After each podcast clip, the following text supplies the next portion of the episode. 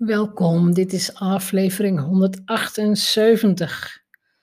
En het is uh, inmiddels dag 14 in de Raw en Unedited series.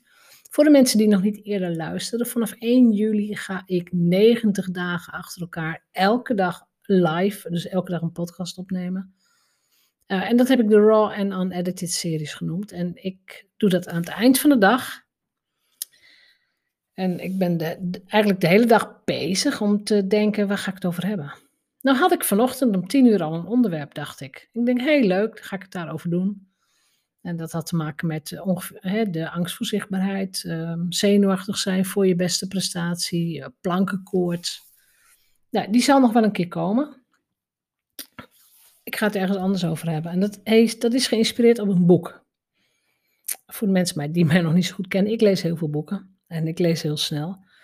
En in dit geval is het het boek Confetti Regen van Splinter Chabot. En de kernvraag van dat boek is: mag jij zijn wie je werkelijk bent? Mag jij zijn wie je werkelijk bent? Dat is een vraag die, die, ja, die heel veel ondernemers zichzelf ook stellen. Van, ja, en, maar ook, ook wel beloven. Hè, doe mijn programma, dan, uh, dan kun je eindelijk zijn wie je echt werkelijk bent. En uh, nou, kun je je beste leven ooit gaan uh, leven enzovoort. Maar dit boek, het gaat over zijn coming out. Als, um, als man die op mannen valt. Dus het is heel mooi. Uh, want waarom wil ik het hierover hebben? Als het gaat om identiteitsvragen, dan zegt hij ook letterlijk uh, van zichzelf: Ik ben splinter en ik val op jongens of ik val op mannen.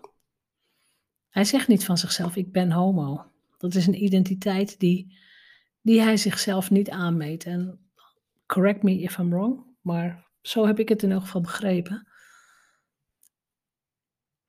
En de, de kern van dit boek, ik vond het echt een heel indrukwekkend boek, omdat hij opgroeit als jonge jongen in een gezin met drie broers en hele vrijdenkende ouders, heel liefdevol.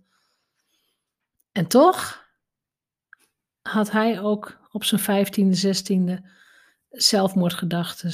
Zo wil ik niet zijn, ik wil normaal zijn, ik wil dit niet.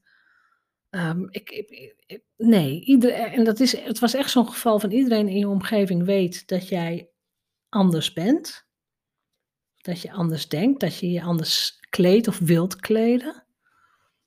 Alleen zelf ga je er nog niet voor uitkomen. Je gaat nog niet zeggen nee, maar ik, ik ben anders. En ik heb misschien andere voorliefdes. Ik hou wel van roze en ik hou wel van make-up. En nou ja, dat kun je dan als, jongen.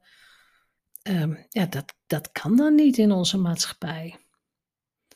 En dat heeft mij echt aan het denken gezet. Want we hebben allemaal onze blinde vlekken. We hebben allemaal enorme, enorme bias, zoals dat heet, tegenover dingen die wel redelijk vrijgevochten lijken. Maar misschien het ook helemaal niet zijn.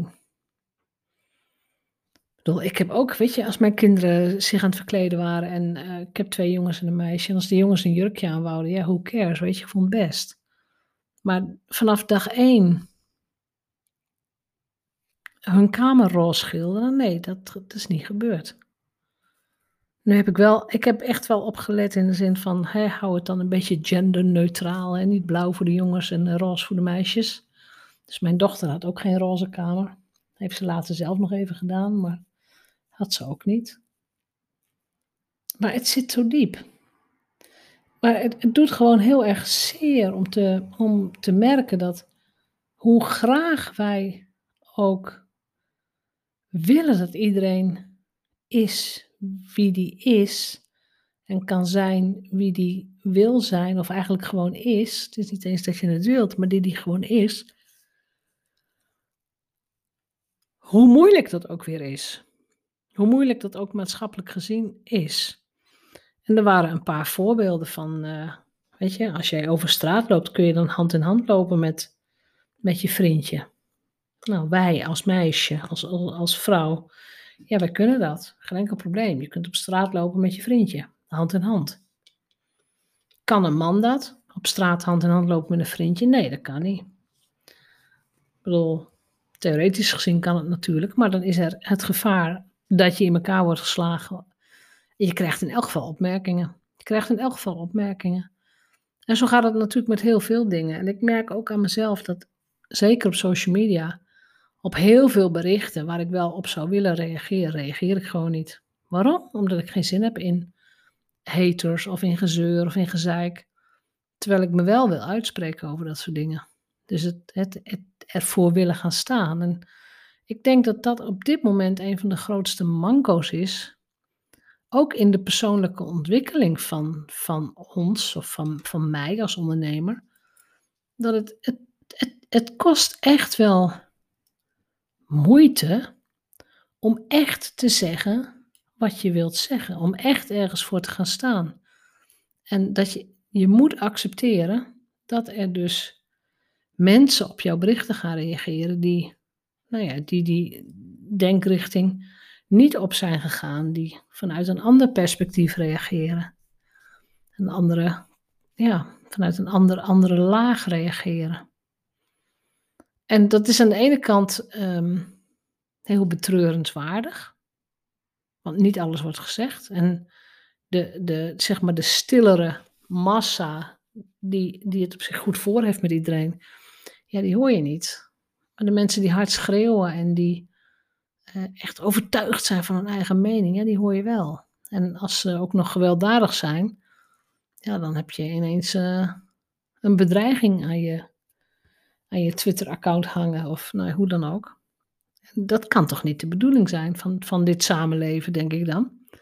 Maar het gebeurt wel. Dus het, waar ik vandaag echt, of vanmiddag over na heb gedacht van, hoe kan het dat wij als soort, hè, als, als mensheid, hoe kan het dat wij het niet kunnen verkroppen dat iedereen zijn of haar eigen leven leidt? Wil je rood haar? Nou ja, dan verf je je haar rood. Weet je? Wil, je, wil je met een man seks? Ja, dan ga je met een man eh, naar bed. Wil je met een vrouw seks? Doe je dat. Wil je twee tegelijk? Doe je dat. Weet je, hoe cares? Dus wie heeft ooit bedacht dat wij binnen allerlei paadjes moesten lopen en dat we dus, dat dus ook eigenlijk gewoon zijn gaan vinden. Dus ja, de vraag van mij voor vandaag was, en daar heb ik mezelf natuurlijk over, ook over uh, onderzocht, van kan ik zijn wie ik echt ben? Het is, en uh, hoe ik het ook kijk of, of bekijk of omkeer of wat, ja, tot op zekere hoogte. Een stukje. Maar helemaal? Nee, naarmate ik ouder word, wordt het wel makkelijker. En hè, omdat je dan toch meer je eigen beslissingen kunt nemen, dingen kunt doen die je wilt. En ook, ook heel belangrijk, omdat je het geld hebt om dingen te doen die je wilt. Want als je steeds aan iemand toestemming moet vragen en geld moet vragen, ja, dan wordt het alweer een heel ander verhaal. Dus de gedachte van vandaag is: kun jij zijn wie je werkelijk bent?